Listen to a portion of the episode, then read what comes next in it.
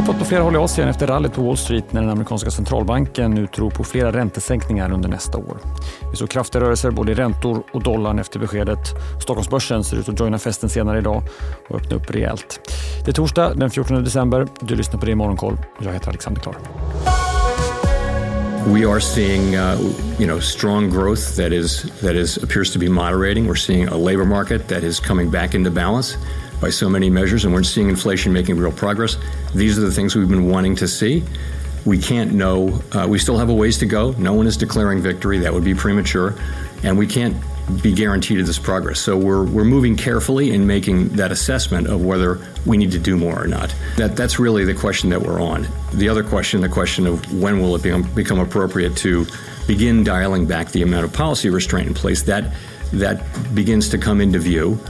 Uh, and is clearly a discussion, topic of discussion out in the world, and, and also a discussion for us uh, at, at our meeting today. Ja, den amerikanska centralbanken Fed och dess chef Jerome Powell som ni hörde här lämnade helt som väntat räntan oförändrad igår men signalerade att man kan göra flera sänkningar redan under nästa år.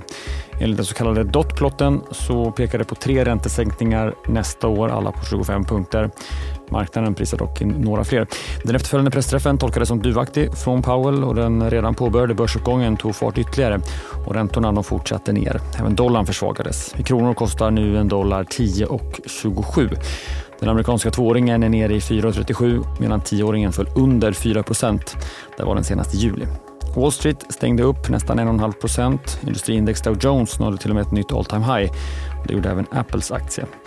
Småbolagsindex Russell 2000 stängde upp hela 3,5 procent. Lika stora marknadsrörelser kanske vi inte ska tro på idag när vi får ytterligare flera räntebesked. Den schweiziska centralbanken är först ut, väntas behålla sin ränta på låga 1,75. Sen följer de i tur och ordning Norges Bank, Bank of England och sist Europeiska centralbanken ECB. Ingen väntas röra sin ränta. Men det blir spännande att höra vad ECB-chefen Christine Lagarde säger om eventuella framtida sänkningar, även från europeiskt håll efter Feds mjukare ton igår. För att avsluta kring USA så kom även Adobe med rapport efter stängning. Det var bättre än väntat när det kom till resultatet, men guidningen framåt tolkades som något restriktiv och aktien föll i efterhanden. US Steel var en vinnare steg efter uppgifter om att flera bud kommit på ståljätten och enligt CNBCs uppgifter så var buden med en premie på ungefär 10 procent. Tillbaka till Asien, eh, där det är uppåt på flera håll. Hongkong nästan 1 procent. I Fastlandskina är börsen upp knappt en halv procent.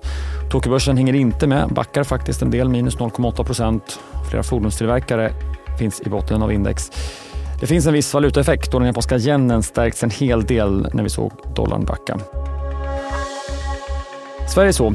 Idag väntar vi på svensk fallande troligtvis inflation. KPI väntas komma ner på 6% KPIF under 4 vi fick precis finsk inflation som kom in på 3,3 procent i årstakt för november. Vi har också fått svensk arbetslöshetsstatistik. Den fortsätter att öka. I slutet av november var 6,5 procent arbetslösa. Det är något mer än samma månad i fjol och vi har haft stigande arbetslöshet sedan början på sommaren. På bolagsfronten så har byggjätten NCC tecknat ett stort avtal med Svensk kraftnät när det gäller lokalhyra på hela 52 000 kvadratmeter. Om det blir av så skulle det vara den tredje största uthyrningen av kontorslokaler under 2000-talet. Avslutningsvis en nyhet från Tyskland som kan ha bäring för svenska Getinge. Det är konkurrenten Drägerverk som skruvar upp sin helårsprognos för innevarande år och säger att försäljningen i det fjärde kvartalet överraskat positivt. För helåret bedömer nu bolaget att försäljningen ökar med 11 procent, vilket är över prognosen som man la i oktober.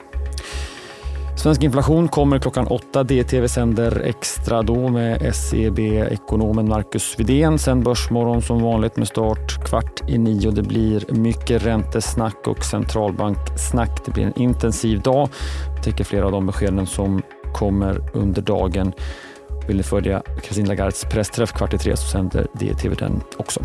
Det är Morgonkoll. Jag är tillbaka igen imorgon bitti. Vi hörs då. Jag heter Alexander Klar.